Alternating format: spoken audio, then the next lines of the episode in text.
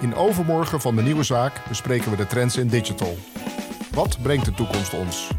We kijken verder dan onze neus lang is en zijn op zoek naar de ontwikkelingen die de digitale wereld van morgen vormgeven. Mijn naam is Johan Keurentjes en ik ben benieuwd. Wat ga jij overmorgen doen?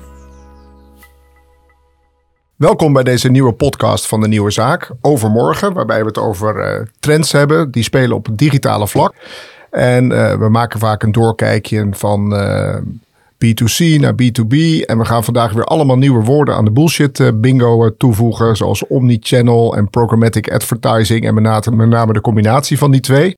Daar gaan we het straks verder over hebben. Maar eerst wil ik graag mijn gast de gelegenheid geven zichzelf te introduceren. Frank, welkom. Ja, dankjewel Johan. Dankjewel. Niet, niet de eerste keer hier, maar het is al een hele tijd geleden. Ja, ja, ja, ik had het er net over inderdaad dat ik misschien wel bij de eerste of bij de tweede podcast ooit aanwezig was. Dus uh, heel leuk om nog een keer weer hier te zitten. Echt wel tof. Ja, leuk. Um, ja, wie ik ben.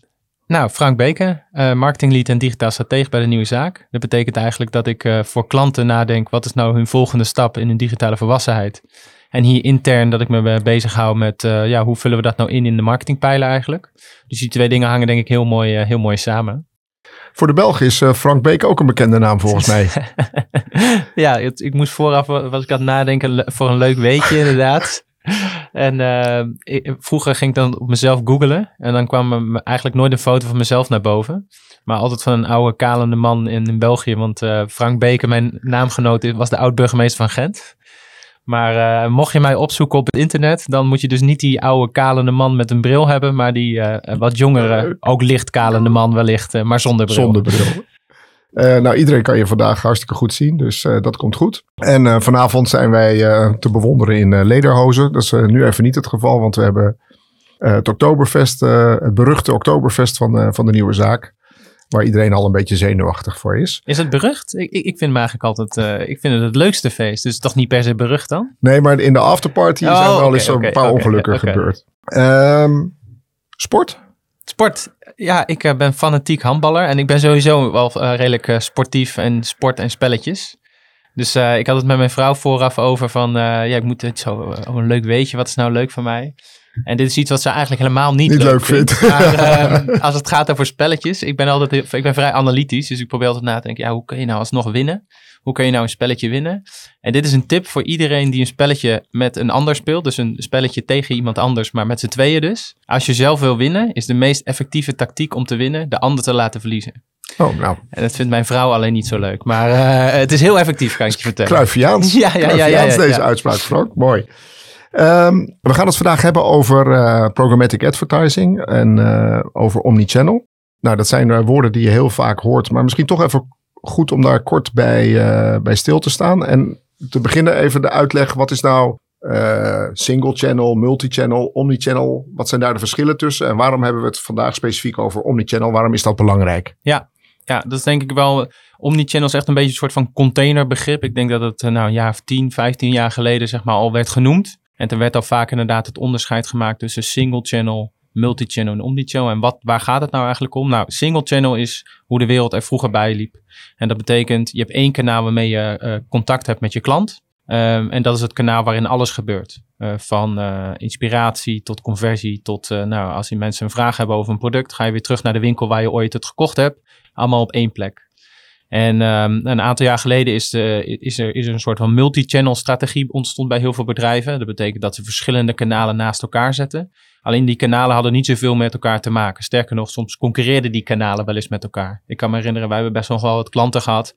Uh, wij zitten natuurlijk in webshops, waarbij uh, de webshop werd neergezet. Uh, maar dat sloeg zo totaal niet op met wat er in de vestiging gebeurde. Dat is multi-channel. Hè? Dus kanalen eigenlijk naast elkaar, maar niet op elkaar aansluitend. En um, nou, wat ik zei, 10, 15 jaar geleden begon het begrip omnichannel uh, in, in zwang te komen. Ik moet zeggen dat 10, 15 jaar geleden was het begrip er wel, maar waren de mensen er nog niet zo goed in. En dat is misschien ook wel het haken, want jij noemde ook de term uh, programmatic eigenlijk. Dat is misschien eigenlijk ook wel waar dat haakje heel erg goed in zit. Want hoe zorg je er nou voor dat je de ervaring op de verschillende kanalen perfect op elkaar afstemt? Dus dat als ik bij jullie, als je bij een bepaald bedrijf in de winkel bent geweest, dat, het, dat die ervaring wordt doorgetrokken in de, in de webshop. Uh, maar ook als ik vervolgens bel omdat ik een vraag heb. Uh, dat ik niet uh, gewoon met een wit scherm bewijs van begin, maar dat mensen al weten wie ik ben en, en, en datzelfde als je, als je een doorvertaling zeg maar, naar, programmatic, naar programmatic moet maken. Nou, programmatic advertising is ook zo'n buzzword wat je nu heel veel hoort. Ja. En eigenlijk, tenminste zo zie ik het, is programmatic advertising een heel goed middel om ervoor te zorgen dat die kanalen niet los naast elkaar staan. Dat verschillende marketing- of interactiekanalen met de klant niet naast elkaar staan, maar dat je die kan integreren. Maar er zit een, uh, het zijn twee woorden, programmatic. Mm nou, dat, dat, klinkt al een beetje als technologische oplossing. Ja. En uh, advertising. Ja. Uh, en dat, dat, dat duidt weer op kanalen. Ja. Want die, zo'n omnichannel strategie is eigenlijk niet mogelijk zonder daar een technische basis voor te hebben. Klopt. Ja. Nee, ja, een omnichannel strategie en, en, en staat of valt met een technische basis. En staat of valt ook eigenlijk met data. En uh, klanten kunnen identificeren op verschillende punten. En je kan je goed voorstellen, als je dat niet goed kan, ja, dan als, je niet weet, als ik niet weet dat jij bij ons op de webshop bent geweest, dan kan ik daar ook niks mee in de winkel. Precies. Um, en nou is het natuurlijk zo dat vanaf het begin op de digitale kanalen was het al mogelijk om gedrag te meten, om mensen te volgen. Uh, is met de cookie-wetgeving natuurlijk weer wat uh, anders, wat lastiger geworden. Um, maar in de winkel uh, weet je nog steeds niet wie daar binnenkomt.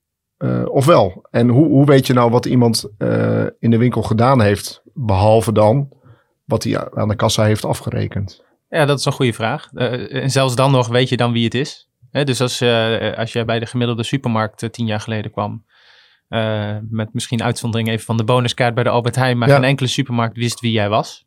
jij was gewoon een, een bonnetje in, in, in de duizenden bonnetjes van die dag, zeg maar.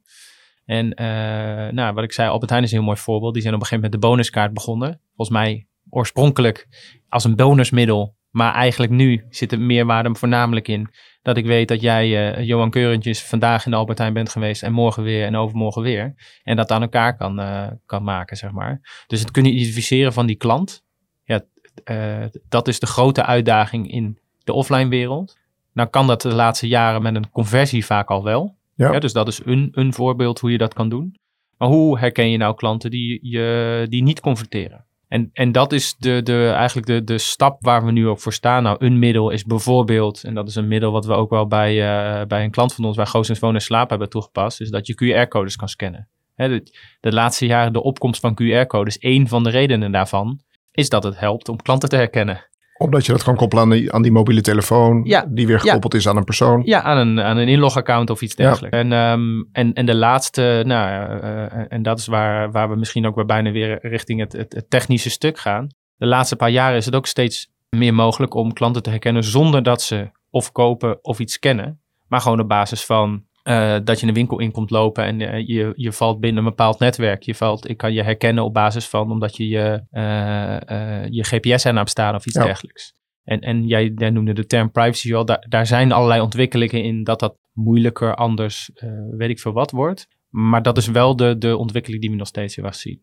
Enige tijd geleden hebben we gesproken over een ontwikkeling die nu even in dit gesprek samenkomt. We gaan een beetje van hak op de tak, maar straks gaan we het, een beetje, gaan we het ook structureren. De, de advertentieschermen binnen de Albert Heijn. Hè? Want jij triggerde me een beetje met die opmerking over Albert Heijn tien jaar geleden. Je ziet nu weer een nieuwe ontwikkeling waar Albert Heijn volgens mij ook de eerste is. In ieder geval bij mij in de Albert Heijn hangen al, uh, al schermen met advertenties van producten die in die winkel uh, verkocht worden. Nou, daar wordt uh, voor betaald, neem ik aan. Is op zo'n moment ook bekend of ik die advertentie gezien heb of niet? Jijn is het antwoord. dat kan. Um, dus er zijn wel mogelijkheden. Nou, misschien een klein, klein stukje, kleine zij, zijstap is. Ja, in, in inderdaad veel meer plekken zie je die, die schermen in winkels hangen. Uh, ook, wordt ook wel retail media genoemd, nog ja. zo'n hype, uh, hype word, zeg maar. Maar dat kan in een winkel zijn, maar je ziet het ook in de Basic Fit hangen. Hè? Dus er zijn verschillende ja. plekken. Uh, en eigenlijk ook, je zou het nog door kunnen trekken, de hele digital out-of-home ontwikkeling is natuurlijk eigenlijk hetzelfde. Alleen staat hij dan niet in de Albert Heijn, maar net. Kunt u ook even aanstrepen op uw bingo kaart? Ja, kan ook. Die Digital kun je ook aanstrepen. Heeft al iemand een, uh, een volle kaart? um, maar vind ik wel mooi, want dat is ook, een, dat is ook iets wat, wat, daar, wat daar eigenlijk bij past. Namelijk, het is gewoon een scherm, maar dan buiten de winkel. En jouw vraag is van, kan ik herkennen of iemand nou het gezien heeft, ja of nee?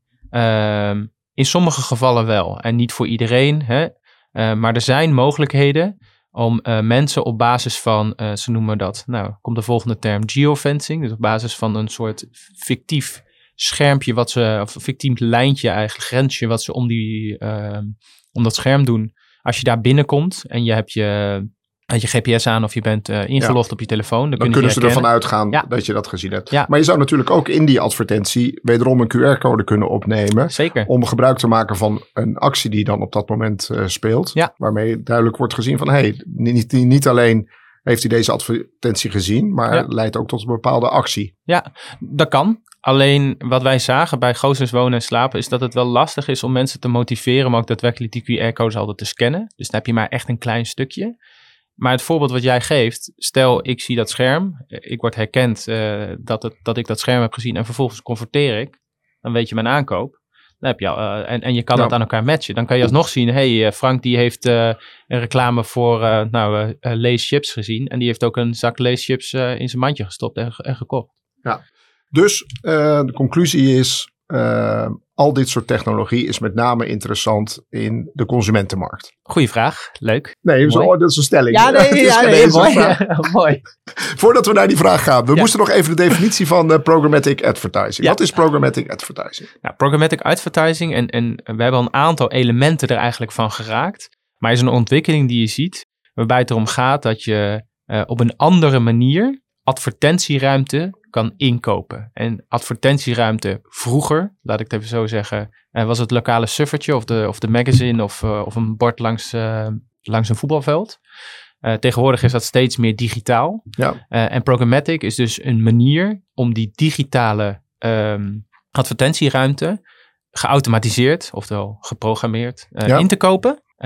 En dat op een manier te doen dat je efficiënter bent, eh, dat je meer vrijheid hebt in waar je inkoopt. Eh, en dat is ook echt een ontwikkeling eh, binnen programmatic, waar je vroeger vast zat aan het netwerk van Google, zie je dat je nu meer mogelijkheden hebt. Ja. Ehm, en, en dus eigenlijk is dat waar het om, om draait, namelijk efficiënter, geautomatiseerd inkopen van advertentie, digitale advertentie. En, en kun je dan ook vanaf dat punt waar je inkoopt dat over meerdere kanalen doen? Ja, zeker kan dat. En, da- en daarmee is per definitie al omnichannel. Juist, juist. En dat is een van de voordelen, is dat je het kan inzetten als een middel. En, en dat heeft eh, als een middel eigenlijk om beter omnichannel te zijn. En dat is ook waar we, we hadden het net over, dat je eigenlijk continu probeert om mensen weer te herkennen. Ja. Of iemand een uiting heeft gezien. Nou, in de digitale wereld is dat, was dat al zo, zeg maar. Even online was dat al veel makkelijker. Nu kan dat dus ook deels in de straat, zeg maar, eh, via die digitale schermen. Maar eigenlijk op al die punten probeer je mensen te herkennen. En vervolgens, als je ze herkent, te retargeten. Dus dat je het Opnieuw niet te benaderen. opnieuw te benaderen. Ja, zodat je, nou, dat is een mooi. Via, je- via een ander kanaal weer. ja, die retargeting kun je ook afstrepen voor de mensen die, eh, Ja. die links onder onderin hadden staan. Maar wat ik, wat ik heel interessant daaraan vind, is dat vroeger werd gewoon eh, een abri ingekocht. En dan hoop je maar dat mensen het zien en dan hoop je maar dat mensen er vervolgens op gaan acteren. Maar tegenwoordig met een digital out-of-home scherm, je koopt niet alleen de ruimte in, je weet, nou niet van iedereen, maar niet van deel, dat die mensen het ook gezien hebben. En vervolgens kan je die mensen ook nog eens heel gericht opnieuw benaderen. eh, via, welke, even, via verschillende kanalen. Dus dan kan je ook nog zeggen, nou, iemand heeft een scherm buiten gezien. Eh, eh, nou, laat ik mezelf even als voorbeeld nemen. Ik heb op mijn scherm lees je chips gezien. En vervolgens zit ik thuis op de bank. En vervolgens word ik opnieuw benaderd met een advertentie op mijn telefoon als ik eh, op Instagram of iets dergelijks zit met een reclame daarvan. En vervolgens klik ik door, kom ik op de website. Denk ik, nou ja, het is avonds, ik hoef nu geen zak chips te kopen. Ehm, maar kun je, nou, omdat ik op die website ben geweest, mezelf weer benaderen? Misschien wel via eh, wat voor een soort display of welke, welke eh, advertentieruimte dan ook. Oké, maar nu, nu slaat mijn fantasie even op hol. Want stel nou dat eh, die campagne wordt door Lees eh, ingekocht. Ja. Hè, want die, die wil die chips promoten. Ja. Is dan een combinatie mogelijk dat op het moment dat jij een eh, supermarkt-app opent, Mhm. dat daar dan verbinden, dat dus Lees doet de campagne. En op dat moment, eh, laten we even Albert Heijn als, eh, als voorbeeld eh, houden. Ja. Je wil bij Albert Heijn een online bestelling doen. Dat je dan daar ook weer door Lees getriggerd wordt. Want dan, dat wordt heel lastig natuurlijk. Want dan gaat het over verschillende ondernemingen die daar dan bij betrokken zijn. Nou ja, dat kan. Maar ik denk in dit geval, en dat vind ik wel een hele interessante namelijk, met dat hele retail media en die schermen en wie bepaalt nou wat. Ik denk in dit geval is Albert Heijn daarvoor in de lead. Om ervoor te zorgen dat je Maar die moet die informatie hebben van die campagne van Lees op dat moment. Ja, maar, maar st- stel, stel het, het voorbeeld dat we net hebben. Dus je, je hebt een scherm in de Albert Heijn. Waar staat lees op. Lees heeft daar ongetwijfeld voor betaald, maar het is het scherm van Albert Heijn. Nee, oké, dan, dan snap ik het. Ja. Maar stel nou dat je die, waar we het net over hadden, die, die Abri hebt, Ja, hebt ja, gezien ja, met die ja, ja. laserreclame, die, wat geen scherm is van Ja. Albert Heijn. Kan, kan je dan alsnog de doorvertaling maken in binnen het kanaal van Albert Ja, dus dan ga je eigenlijk omni-channel, omni- omni-business. Ja, ja, ja. Nou, next step voor de volgende keer. Ja, nou, maar dit is wel heel interessant. Dit is echt wel heel interessant hoor. Want dit is wel een gesprek wat, ja, alle retailers en groothandels, die zijn tegenwoordig in gesprek met leveranciers. Hoe kunnen we nou niet alleen binnen onze eigen kanalen de ervaring, klantervaring optimaliseren, maar hoe kunnen we nou de omnichannel niet vanuit een bedrijfsgedachte, maar eigenlijk vanuit een klantgedachte? Vanuit een channel, want de inspiratie komt vaak van de brands. Ja. En de transactie vindt binnen de retail Zeker. plaats. En hoe kun je die twee nu, eh, Ja, ja, nu combineren? Ja, nou, goede vraag. nou, dat is de vervol- vervolgstap, zeker. Ehm, nog even eh, dat digital out of home eh, afmaken. Ja. Dat is dus eigenlijk gewoon een Abri die digitaal geworden is. Ja. Op dat Ja. moment is het, noemen we, zeggen we niet meer Abri, maar dan zeggen we het is digital out of home. Dat klinkt ook veel Ja, interessanter natuurlijk. nou ja, in het Engels heet het een ABRI, heet een out of home. OOO. En dan wordt het een ja, digital out of Ja, home. ja, ja, een DO. Ehm, we waren net bij een vraag, die hebben we even laten liggen. Want we hebben het de hele tijd over consumenten Ja. waar dat speelt. Maar eh, betekent dat dat het niet interessant is voor, wat ook een groot gedeelte is van onze doelgroep, B2B-bedrijven, groothandels. Mhm. Heeft dit dan geen waarde, deze, deze nieuwe ontwikkeling? En- en bedoel je dan het programmatic of het omnichannel? Of waar, waar doe je Nou, de combinatie daarvan Ja. eigenlijk, ja. Ja. Nou, ik denk, ik kan wel een wedervraag stellen. Dus denk je dat de klant van een groothandel op één kanaal actief is of op meerdere kanalen actief is? Ehm, ja, ik denk op meerdere kanalen. Nou ja, dus dat is al een antwoord, zeg maar. Hè, als je dit, dat volgt, dan, eh, dan weet je al dat omnichannel van belang is. En je ziet ook, eh, recent, ik heb eh, recent een, echt een heel vet onderzoek gelezen van McKinsey. En dan ging het over, over het belang van een goede omnichannel ervaring. Waarbij vroeger altijd gezegd werd, nou, dat is een B2C feestje en dat is Ja. voor B2B niet van belang. Nou, McKinsey ja, veegt daar gewoon de vloer mee aan. Die laat gewoon zien hoe essentieel het is om een goede omnichannel ervaring te hebben voor retentie, voor klantbe nou ja, de behouders van klanten, maar ook voor zorgen dat mensen niet overstappen naar de concurrent. En daarbij eh, speelt de opkomst van alle mogelijke digitale kanalen die eh, erbij zijn gekomen, ook in de B2B-context, maakt die, die wereld, die kanalen, die kanalenmix eigenlijk complexer. Maar maakt het belang van omnichannel eigenlijk ook groter. En dat onderzoek als laatste zeggen ze ook, ja, de ervaring die wij als, als consument willen in de B2C-wereld, ja, diezelfde ervaring willen we eigenlijk ook als we aan het werk zijn en dus in de B2B-context zitten. Dus omnichannel is van belang voor B2C en B2B. Dat maakt eigenlijk helemaal niks uit. Ja. We zullen de eh, credentials van dit onderzoek opnemen in de notities bij deze eh, podcast. Ja. Zodat mensen daar ook eh, op kunnen zoeken. Ehm, dus je zegt ja, het is van belang. Ja. In de gesprekken die jij hebt met klanten, wordt dat belang ook al onderkend en gezien in die B2B-markt? Steeds meer, zou ik willen zeggen. Steeds meer. Misschien eigenlijk wel volmondig ja, want ik, ik ben even over het nadenken. Eh, mensen, eh, eh, klanten zeg maar van ons B2B groothandels, die zeggen dat, is wel, dat het wel heel erg belangrijk is, maar dat ze nog wel worstelen met hoe ze dat moeten gaan doen. En dat is ook niet zo gek dat ze daarmee worstelen. Want wat je ziet is, wat wij zien, eh, is dat bedrijven vaak in eerste instantie heel goed in staat zijn om binnen een eilandje iets te optimaliseren. Ja. Hè, dus het online kanaal bijvoorbeeld heel goed te maken. Of te zorgen voor echt een supergoeie ervaring binnen de vestigingen. Hè, dat dat heel goed gaat. Maar wat heel moeilijk is, is om afdeling overstijgend te zorgen dat de ervaring van de vestiging goed afgestemd is op de ervaring van online. En is dat dan een cultuur-mensen-ding om, om die dingen bij elkaar te brengen? Of is dat een techniek-oplossing? Beide. Nou, eh, wij gebruiken zelf, en dat is, eh, wij gebruiken zelf een volwassenheidsmodel om klanten van A naar B te helpen. Eigenlijk om een steeds relevantere ervaring te creëren. En eigenlijk de ontwikkeling die ik net benoemde, namelijk dat je eerst verschillende kanalen naast elkaar hebt en de volgende stap dat je die kanalen integreert. Ja. Om, die stappen te kun, om die stap te kunnen zetten, heb je eh, nou, de juiste tools nodig. Hè? Ja. Dus je moet zorgen dat dat klantbeeld ergens wordt verzameld en wordt verspreid. Maar je moet er ook voor zorgen dat je dat op de juiste manier de boel georganiseerd hebt. Hè? Dus dat je niet de, in de vestiging puur KPI's hebt die alleen maar gefocust zijn op de vestiging. Maar dat het ook KPI's zijn, bijvoorbeeld hoeveel mensen van de mensen die bij jou converteren in de, in de, in de winkel, in de vestiging, hebben een online eh, account. En vice versa. Hè? Dus eh, de Ja. andere kant op ook. Maar ook om de juiste mensen. Ehm, ehm, ook om de, de juiste klantinzichten. Hè? Dus dat je niet alleen klantinzichten verzamelt op het, eh, op het online kanaal, maar dat je dat ook die inzichten juist heel waardevol kan maken in de vestiging. En eigenlijk zijn er dus verschillende nou ja, pijlers waar je stap op moet zetten. om nou, die stap van, nou, laat ik het even zo zeggen, multichannel, kanaaldenken, naar omnichannel te kunnen maken. En uiteindelijk de stap nog naar, naar nog specifieker. En dan ehm, ja, nu we toch bezig zijn, gooi ik er nog maar een term in. Hoor je uh, ook steeds vaker de term uh, CDP ja. vallen, een ja. Customer Data Platform. welke rol speelt zo'n platform in dit geheel van omnichannel en wellicht ook programmatic? Ja, nou ja, dat, dat is eigenlijk, als je het hebt over tooling, zeg maar, die zou bovenaan je lijstje moeten staan. Als je, als je ziet uh, dat je wel kanalen naast elkaar hebt staan, maar dat je het moeilijk kan integreren. En dat kunnen in eerste instantie de online kanalen zijn die je beter wil integreren. Dat is vaak stap 1. Uh, daar helpt een CDP al wel al bij. En als je daarna ook nog de vestigingen erbij wil of, integreren, zeg maar, ja, dan moet je eigenlijk nog een stap verder gaan. En misschien dan wel goed om dan te beseffen is, in deze context hoor je vaak een Customer Data Platform CDP.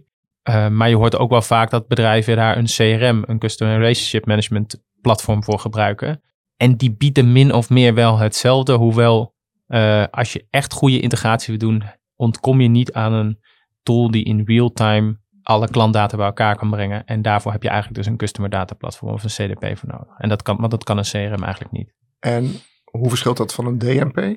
Goeie vraag. Een DMP is weer nog een eh, derde, nog een drieletterige afkorting. Heel mooi, heel mooi, heel mooi. Eh, een, een DMP uh, staat voor Data Management Platform. Van oudsher een tool waarmee je data bij elkaar veegt en vooral kan gebruiken voor het aansturen van je betaalde advertentiekanalen. Ja. Um, uh, lees, display en, en welke uh, online kanalen er dan ook zijn. En je ziet eigenlijk de laatste jaren, want, want uh, de laatste jaren steeds meer dat een DMP en een CDP min of meer in elkaar aan het schuiven zijn. Waarbij het er eigenlijk om gaat. Je wil alle data die je verzamelt van je klanten, alle nou, zogenoemde first party data wil je op één plek brengen. Ja. En vervolgens wil je dat gebruiken om niet alleen slimme e-mails te sturen of slimme online personalisaties te doen, maar ook heel slim je betaalde kanalen aan te kunnen sturen. Dat is eigenlijk die, die DMP-functionaliteit. En dat is ook weer waar het weer samenhangt, nou, met waar we ongeveer begonnen met het hele het vraagstuk rondom programmatic advertising. Want daarin wil je ook slimme doelgroepen kunnen aanspreken. En een in die ideale wereld dus uh, gebruik je je CDP om klantdata te verzamelen en vervolgens al je kanalen, inclusief uh, de online display en, en advertising kanalen, dus de programmatic kanalen, aan te kunnen sturen. Nu uh, ben ik directeur van een, van een groothandel mm -hmm. en maak ik me druk over klanten, over mijn warehouse, over mijn vrachtwagens, over het feit dat ik geen chauffeurs kan vinden. Ja. En dan hoor ik dit verhaal en denk van ja, kom op zeg, hoe, hoe moet ik dat er ook allemaal nog bij uh, nemen? En hoe kan ik daar nou een, een reëel oordeel over vormen? Welke investeringen ik moet doen, welke stappen ik moet nemen? Wat zou je uh, deze directeuren of managers van ja, toch bedrijven waar heel veel geld in omgaat, ja. wat zou je hun adviseren om hier enigszins wegwijzen in te worden en stappen in te zetten? Ja, dat is een goede vraag. Dat is ook best wel een, vra een vraag die, die, die best bij heel veel bedrijven speelt. Um, waarbij je ziet inderdaad van ja, de wereld gaat, uh, deze, die, die wereld gaat soms zo, zo snel, dat kun je niet meer bijhouden. Wat heb ik nou wel nodig? Ja. En jouw, uh, wat is nou bullshit? Hè? Ja. Wat, is, wat hoort op de bullshit bingo kaart thuis? Maar wat is geen bullshit en waar moet ik wel wat mee? Dus welke hypes kan ik laten lopen? Maar welke hypes moet ik wel wat mee? En eigenlijk, uh, als ik het vaak terugbreng, en mijn collega Marlies zal trots zijn als, ik, als, als ze me dit hoort zeggen. Maar het begint bij de klant. Of degene die je probeert, uh, waarmee je een relatie probeert op te bouwen. Dat kan een klant zijn of een mogelijke medewerker, of dat maakt even niet zoveel uit. Je moet goed begrijpen, waar is mijn klant actief? Welke kanalen gebruikt mijn klant? En dat kunnen mijn eigen kanalen zijn, maar het kunnen ook kanalen zijn waar ik niet zo'n zicht op heb. Dat beeld moet je, en, en daar kunnen nog verschillen zijn tussen klantgroepen. Hè, dan maak je het nog weer wat complexer. Ja. Als je dat beeld goed hebt, dan kun je vervolgens ook nadenken, oké, okay, uh, verzamel ik op al die kanalen waar ik interactie heb met mijn klant, verzamel ik daar data, herken ik mijn klant daar, uh, zodat je dus nou, een gecentraliseerd klantbeeld uh, opbouwt. En hoe kan ik dat vervolgens gebruiken om nou, op al die kanalen waar ik interactie heb met mijn klant, die, die uh, ervaring relevanter te maken en daarmee beter te laten converteren, waardevoller eigenlijk te laten zijn. Oké, maar dit, dit, dit, dit, snap ik. Ja. maar dan, dan heb ik vervolgens in, in mijn functie nog steeds de vraag, ja oké, maar wie moet ik dan aannemen? Welk, uh, in welke technologie moet ik uh, investeren? Ja. Uh, voor je het weet geef je kapitalen uit aan, aan technologische oplossingen, maar ja. kun je er niks mee? Ja. Dus hoe, hoe zorg je nou dat je op een redelijk eenvoudige manier daar toch de eerste stappen kunt zetten, zonder dat je geld aan het weggooien bent? Ja, nou ja, nou, ik noemde daar straks al heel kort even de term van ons volwassenheidsmodel of maturity model. Dat is eigenlijk wat wij als houvast gebruiken om te bepalen wat moet je wel nu doen en wat moet je pas nou, morgen of hè, overmorgen uh, doen. Waarbij het om gaat, uh, waar sta je als organisatie? Nou, laat ik even het concrete voorbeeld nemen van net. Ben je al in staat om multichannel goed te acteren? Dus zet je alle relevante kanalen Nou, al in? Al in. Of zijn er nog kanalen waar je niks mee doet? Want Als, als moet, dat, je, moet je dat dan eerst gaan ja, doen? dan zou ik dat eerst doen. Hè? Dus als er een belangrijk kanaal is waar je nog niks mee doet, of wat nog suboptimaal is. Dus je hebt nog een, een, een, een webshop uit eh, de 1998, zeg maar. Of een. eh, ja, dan zou ik daar eerst eh, mee bezig gaan. Simpelweg omdat je daarmee grotere impact in eerste instantie gaat hebben. En dan op een gegeven moment, als je denkt, nou, ik heb wel een aantal zaken goed op orde en ik wil eigenlijk een volgende stap zetten. Nou gaat het om integratie van je kanalen. Als je dan weer een volgende stap wil zetten, wil je zeggen, nou, ik ga misschien afstemmen op beter, eh, beter afstemmen op doelgroepen. En wat wij eigenlijk doen is, we, ja, met ons volwassenheidsmodel kijken we gewoon waar sta je als organisatie, zo objectief mogelijk. Op basis van wat heb je wel en wat heb je niet. En waar loop je achter? Op welke pijler, om het maar zo te zeggen, loop je Ja. achter? Heb je niet de juiste mensen of de juiste tool? Ehm, nou, eh, gratis eh, advies al. bij de meeste organisaties is de tool niet per se het probleem. Ehm, en vervolgens op basis daarvan kun je dan zeggen: Oké, ja, eh, deze tool heb ik nu echt nodig, want ik heb er de mensen voor zitten. En zo voorkom je dat je investeert in een hele dure tool die je toch niet kan of gaat gebruiken. Ehm, en zorg je ervoor dat je eh, wel eh, vooruit gaat. Wat, niet dat je denkt: Nou ja, ik, ik, doe, ik doe maar niks. Ik doe maar wat ik altijd deed. En ik focus me maar even op de korte termijn om een business case te halen. Nee, uiteindelijk wil je ook stappen verder gaan zetten, want, want de concurrentie doet dat wel. Dus Ja. ehm, Ja, dus wat je eigenlijk zegt, eh, deze podcast heet Overmorgen. Ja. En het gaat morgen of overmorgen gebeuren, maar dan eh, wordt Max eh, opnieuw eh, wereldkampioen. En je kunt natuurlijk niet een Formule 1 auto voor iemand neerzetten die daar niet in kan rijden. Want dan heb je de beste tool, maar uiteindelijk is die waardeloos omdat je niet eh, de persoon hebt die, die dat kan besturen. klopt. En eh, eh, dat is dus iets wat jij wel ziet gebeuren, dat er geavanceerde tools worden aangeschaft zonder dat de mensen in huis zijn die daar daadwerkelijk mee kunnen omgaan. Ja, en, en en misschien nog wel een ander voorbeeld. Eh, eh, soms hebben ze wel de mensen. Hè? Dus dan hebben ze wel een marketing automation marketeer of eh, geef het beestje een naam, zeg maar. Hè? Dus iemand die in die tool goed kan werken. Maar dan zie je dat ze alleen maar use cases of alleen maar ideeën aan het eh, faciliteren zijn die eh, voor de online context heel belangrijk zijn. Terwijl in een heleboel groothandels gaat het er ook om dat je de ervaring vanuit de winkel bijvoorbeeld beter maakt. Dus, dus ja, je hebt de mensen. Ja, je hebt de juiste tool. Maar je hebt niet de organisatie. Die mensen zijn niet op de juiste manier georganiseerd. Om ervoor te zorgen dat je de slimme ideeën uit de, uit de organisatie ophaalt en dat gaat toepassen. En dan ben je nog steeds suboptimaal. En dan ben je eigenlijk nog steeds maar op dat ene kanaal aan het focussen. Dus eigenlijk de hele samenvatting van dit verhaal is: maak een afspraak met Frank. En dan, en dan niet de burgemeester van Gent. als je een spelletje wil verliezen, dan eh, kun je mij altijd een berichtje sturen. Nee, het is de bedoeling dat je klanten laat winnen, Mm. eh, Frank. Oké, maar ik heb net de beste tip gegeven ooit. Hè? Dus Ja, als je een spelletje wil winnen tegen mij, dan wordt het geen leuk spelletje dan. Maar eh, Dat is waar. Ehm, kunnen we concluderen dat ehm, programmatic advertising en omnichannel ehm, niet hetzelfde is, maar wel goed, heel goed eh, samen gaan? Dat je over verschillende kanalen je, eh, je klanten kunt eh, volgen en je mogelijke eh, klanten. En niet alleen over verschillende kanalen, maar ook over verschillende apparaten. Hè? Dus, eh, Ja. eh, en dat het daar, daarmee al eh omnichannel is. Ja. Dat je voorzichtig eh, stappen moet. eh, eh, mijn telefoon gaat opeens af. Eh, dat je niet te grote stappen moet zetten, maar beginnen met de volgende stap en niet drie stappen vooruit. Ja. En ehm, ja, dat het eigenlijk super interessant is, maar dat het ook heel ingewikkeld is dat er iedere week wel weer nieuwe termen eh, bij, bij komen. Ja. En, ehm, maar dat het vooral belangrijk is, ehm, en dat zeggen wij eigenlijk altijd, denk nu over je klanten na. Dus je eindklant, wie is de gebruiker van mijn dienst of product? Ja. Wie schaft het aan? Ja. Ook niet altijd eh, dezelfde. Nee, nee, nee, Zeker niet in, in B2B. Nee.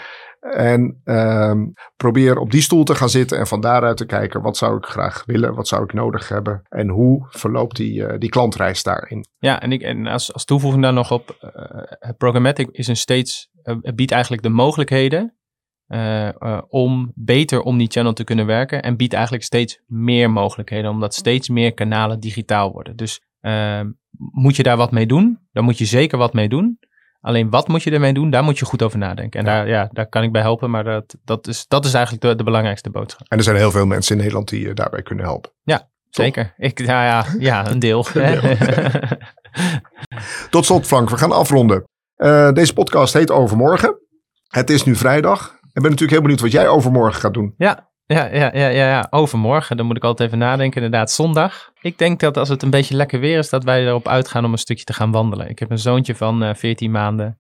En, um, we zijn op en dan is de grote vraag bij 14 maanden: wandelt hij zelf? Nee, nog niet, nog niet. dat, is een goede vraag. Ja, dat is een hele goede vraag. Dit. Nou, bijna. Hij kan al uh, aan de muur lopen, zeg maar. En aan de hand ook wel. Gaat niet zo snel als dat ik zelf zou willen. Maar, uh, nee, en, en, uh, maar hij kan nog niet helemaal zelf lopen. Maar dan gaat hij in de draagzak. Zo'n rugdrager dat hij mooi boven mij uit kan kijken. En dat vindt hij helemaal geweldig. Dus dat, als het niet regent, dan, dan lopen we ergens in een bos. ergens in Drenthe ja. waarschijnlijk. Wat trouwens een heel uh, interessant is, is het, het feit dat kinderen die van kruipen naar lopen gaan, continu vallen. En eigenlijk heel gedemotiveerd moeten raken van het feit dat wat ze willen, dat dat veel minder snel gaat dan het kruipen zelf. Want met kruipen ben je een lange periode ben je sneller dan met dat, met dat lopen. En toch doen kinderen dat. En dat is mij ook mijn advies aan, aan ondernemingen. Je moet af en toe, om een volgende stap te zetten, struikelen, proberen, uh, veel testen. En uiteindelijk kun je lopen. En dan blijkt opeens dat dat veel sneller gaat dan kruipen. Dankjewel voor het luisteren naar deze podcast. En graag tot de volgende keer. Dit was Overmorgen. Volg ons op Spotify, Apple Podcast of het platform waarop je nu luistert. En check alle show notes op denieuwezaak.nl slash overmorgen. Ben jij eruit wat je overmorgen gaat doen? Deel het op je socials of laat een review achter in de podcast-app.